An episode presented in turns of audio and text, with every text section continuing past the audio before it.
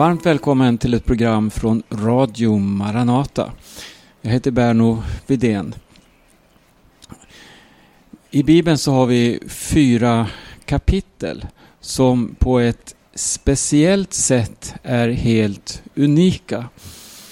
Det handlar om Bibelns två första kapitel och de två sista, alltså i Första Mosebok kapitel 1 och kapitel 2 och Uppenbarelseboken 21 och 22. Och då ställer man sig frågan då, vad är det som gör dessa kapitel så unika? Ja, det finns någonting i de här kapitlen som, eh, som, som gör dem just så här unika. För att i Bibelns två första kapitel så existerar inte synden. Om vi tittar i Första Mosebok kapitel 1 så kan vi läsa där om skapelsen. Gud skapade himmel och jord. Jorden var öde och tom, mörker var över djupet och Guds ande svävade över vatten. Och Gud sa, var det ljus och det blev ljus. Och Gud såg att ljuset var gott och han skilde ljuset från mörkret. Sen fortsätter skapelseberättelsen. Och så återkommer de här orden emellanåt. Gud såg att det var gott. Sen eh, längre fram i första kapitlet, från vers 26, så sa Gud, låt oss göra människor till vår avbild, till att vara lika oss. Och så eh, kommer sen beskrivningen av människan och han skapade henne till man och kvinna kan vi läsa. Gud välsignade människan och sa till dem Var fruktsamma och föröken er. Uppfyll jorden, lägg den under er och råd över fiskarna i havet, över fåglarna under himlen och över alla djur som rör sig på jorden. Och Gud sa, se, jag ger er alla fröbärande örter på hela jorden och alla träd med frukt som har frö. Detta ska ni ha till föda. Och eh, sen fortsätter då berättelsen. Första, kap första versen i andra kapitlet kan vi läsa hur allt fullbordades. Himlen och jorden med hela sin härskara. På sjunde dagen hade Gud fullbordat sitt skapelseverk och han vilade från det verk som han hade gjort. Eh, sen kan vi läsa då i andra kapitlet om himlens och jordens fortsatta historia. Herren Gud, han planterade en lustgård i Eden. Edens lustgård som vi har hört om och där eh, finns, finns det många detaljer som eh, gärna skulle vilja stanna vid som handlar om Guds utgivande kärlek. Det handlar om, om, om, om eh, den här frälsningen som finns hos Gud. En flod som vattnade lustgården och som sedan delade sig i fyra huvudgrenar och så vidare. I allt det här så ser vi hur Gud verkar. Och mannen han fick en befallning av Gud att du kan fritt äta av alla träd i lustgården men av trädet med kunskap om gott och ont ska du inte äta. Och här kommer en första varning. Till den dag du äter av det skall du döden dö. Därefter fortsätter berättelsen. Och nu handlar det om mannen här.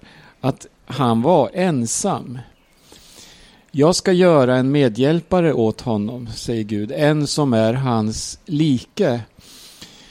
Och Herren Gud hade format alla markens djur, alla himlens fåglar utav jord och nu förde han fram dem också till mannen och mannen fick kalla dem, han fick ge dem sina namn.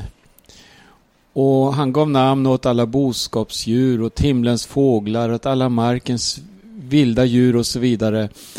Men så återkommer det här. Men åt mannen fanns ingen medhjälpare som var hans like. Och då lät Herren Gud en tung sömn falla över mannen och när han hade somnat tog han ut ett av hans revben och fyllde dess plats med kött. Och Herren Gud formade en kvinna av revbenet som han tagit av mannen och förde henne fram till honom. Och mannen sade Denna är nu ben av mina ben och kött av mitt kött.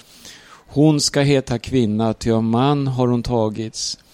Därför skall en man lämna sin far och sin mor och hålla sig till sin hustru och de ska bli ett kött. Och mannen och hans hustru var båda nakna utan att blygas för varandra.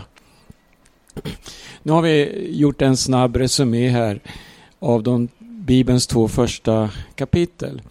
Skapelsen. Gud gjorde allting gott. Och vi ser hur han skapade människan och satte henne i en väldigt speciell position. Och sen ser vi just det här hur Gud såg att mannen var ensam och han byggde hans like. Alltså han byggde en kvinna som han ställde fram inför mannen. Det här sammanhanget vi läser här, det, det talar om en oerhörd gemenskap. Först då hur Gud, han vill ha gemenskap med sin skapelse, med människan framförallt som han har skapat till sin avbild. Och det, än så länge i skriften så, så möter vi inte synden och dess problem och alla dess eh, fruktansvärda konsekvenser.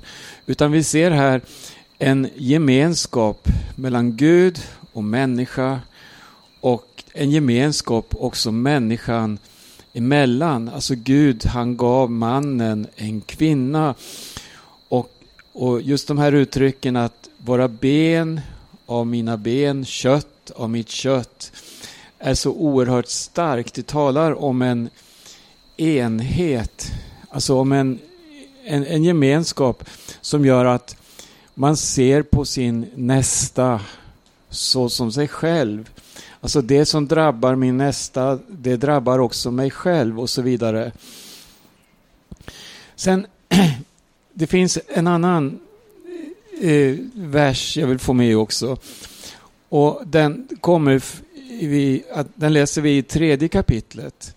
För här, här möter vi eh, hur Herren Gud, han eh, närmar sig människan. Och vi kan ju bara föreställa oss, det står ingenting skrivet om det tidigare, men hur Gud, han vandrade i lustgården för att samtala, för att ha gemenskap med människan. Men nu har det hänt någonting. Titta på vers 8 här i kapitel 3. Vid kvällsprisen hörde de Herren Gud vandra i lustgården. Det här var sådana här tillfällen som man tidigare helt säkert hade sett fram emot. Herren Gud skulle vandra i lustgården och nu var det tid för gemenskap. Tid då vi kunde samtala med Herren Gud. Det fanns ingenting som skilde oss åt. Det fanns ingen synd, inget mörker, ingen ondska. Utan Gud hade skapat människan till sin avbild. Men nu så hade synden kommit in. Och det står inför det här besöket då vid kvällsprisen så hade man sett till att skaffa sig höftskynken som man gjorde utav fikonlöv.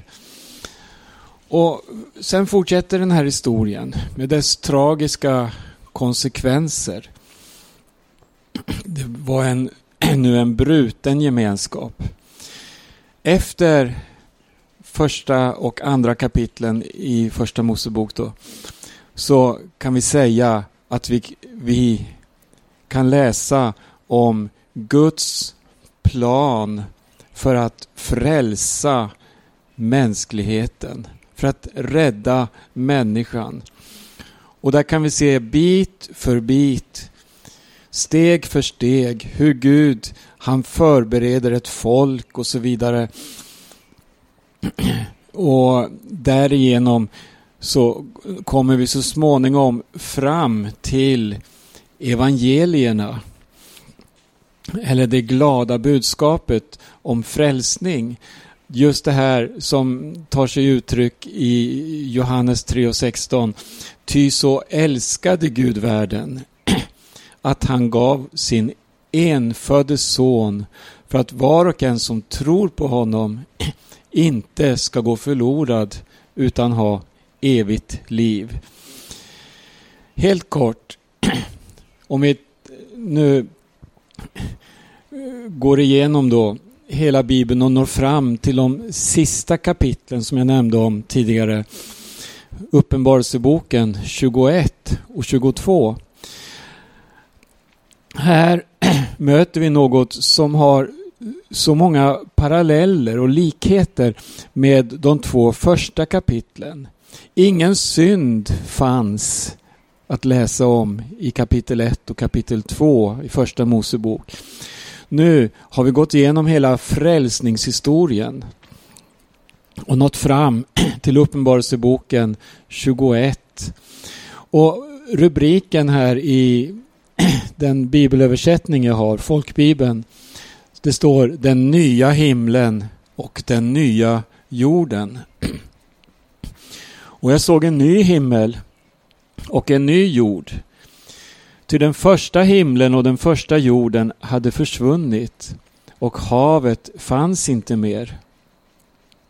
Och jag såg den heliga staden, det nya Jerusalem, komma ner från himlen, från Gud, redo som en brud som är smyckad för sin brudgum. Och jag hörde en stark röst från tronen säga Se, nu står Guds tabernakel bland människorna och han skall bo hos dem och det skall vara hans folk och Gud själv skall vara hos dem. Så inleds kapitel 21 i Uppenbarelseboken. Och sen följer beskrivning av det nya Jerusalem och det här löftet som Jesus själv gav i början av Uppenbarelseboken, men också här i slutet. Se, jag kommer snart. Salig är den som håller fast vid profetians ord. Eh, det, det, vi läser här, det, det står att vi ska få se hans ansikte. Det står att någon natt ska inte finnas mer. Och vi kommer inte behöva någon lampas sken eller solens ljus. Det Herren Gud ska lysa över dem. Och så vidare. Vi möter här beskrivningar utav sådant som vi kan dra paralleller till Första Mosebok 1 och 2. Gud vandrade mitt ibland en. Gud bodde mitt ibland sitt folk och så vidare. Ett uttryck som, som eh, vi läser om här i kapitel 21, vers 3. Det står så här. Se, nu står Guds tabernakel bland människorna och han skall bo hos dem. Tabernaklet, det var en speciell byggnad under Israels historia. Eh, nu ska vi stanna lite kring tabernaklet. För det är en del, en viktig del av frälsningshistorien. Läs om tabernaklet och du ser i den berättelsen, i alla detaljer, bilder som handlar om hur vår Herre Jesus skulle offras. Hur vår frälsare Jesus Kristus skulle ge sitt liv till lösen för många. Och det här eh, visas alltså i detalj mer än 1500 år innan Jesu födelse. Det här är ett starkt bevis, ett starkt vittnesbörd på hur Gud redan från begynnelsen har förberett att Jesus skulle offras på Golgata. Att Jesus skulle ge sitt liv för att frälsa människan. När Gud skapade Adam, då eh, hade han den här fullödiga gemenskapen med människan. De kunde umgås, kunde samtala utan det här behovet av att ha en speciell byggnad att bo i. Och hur som helst så, så blev ju den här gemenskapen då störd på grund av synden. Olydnaden, den eh, bröt totalt den här kommunikationen med Gud. Synden separerade människan från Gud och gjorde att hon nu levde, ja vad ska vi säga, i detta mörker under denna förbannelse som, som, som Bibeln, eller Gud varnade för redan innan syndafallet. Men redan i samma kapitel som syndafallet äger rum så ser vi hur Gud han vill återupprätta människan. Och han talar redan här om denna frälsningsplan som, som eh, jag tror att det är Bibelns första profetia i Första Mosebok 3 och 15 som profetiskt annonserar att Kristus ska vara den som kommer att segra över djävulen. Jag skall sätta fiendskap mellan dig och kvinnan, mellan din avkomma och hennes avkomma. Han ska krossa ditt huvud och du skall hugga honom i hälen. Denna profetia fick sin uppfyllelse då Jesus dog på Golgata, då han besegrade döden och all dess makt. Eh, vi ska läsa några andra bibelcitat här som handlar just om hur Gud han vill bo ibland sitt folk. Vi kan börja Johannes evangeliums första kapitel. Här kan vi eh, först läsa om skapelsen. Det står i begynnelsen var ordet och ordet var hos Gud och ordet var Gud. Han var i begynnelsen hos Gud. Genom honom har allt blivit till och utan honom har inget blivit till som är till. I honom var liv och livet var människornas ljus. Och ljuset lyser i mörkret och mörkret har inte övervunnit det.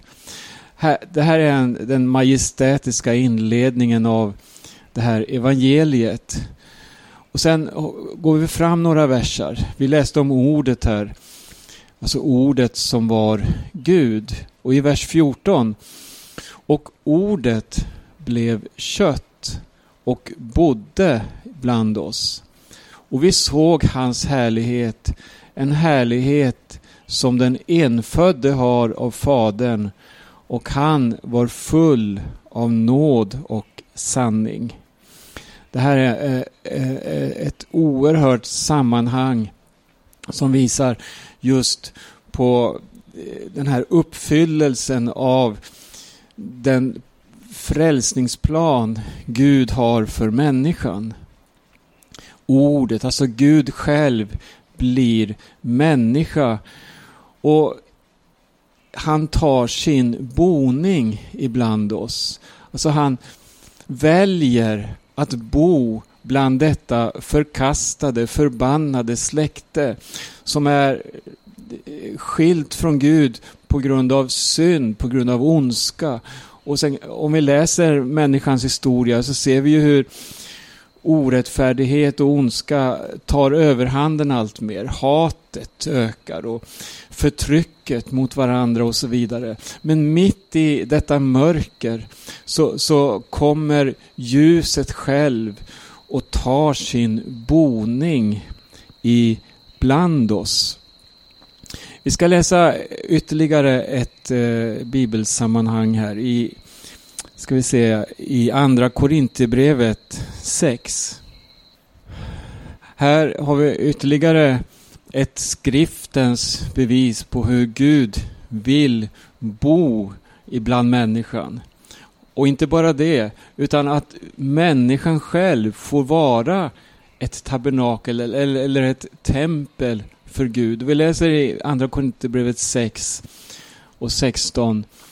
Vad kan ett Guds tempel ha för gemenskap med avgudarna? Vi är den levande Gudens tempel. Till Gud har sagt, jag skall bo hos dem och vandra med dem och jag skall vara deras Gud och det ska vara mitt folk. Så jag skall bo ibland dem och vandra med dem. Tänk att Gud själv har tagit sådana här äh, steg att han eh, vill upprätta människan som på så många sätt har vänt sig mot honom.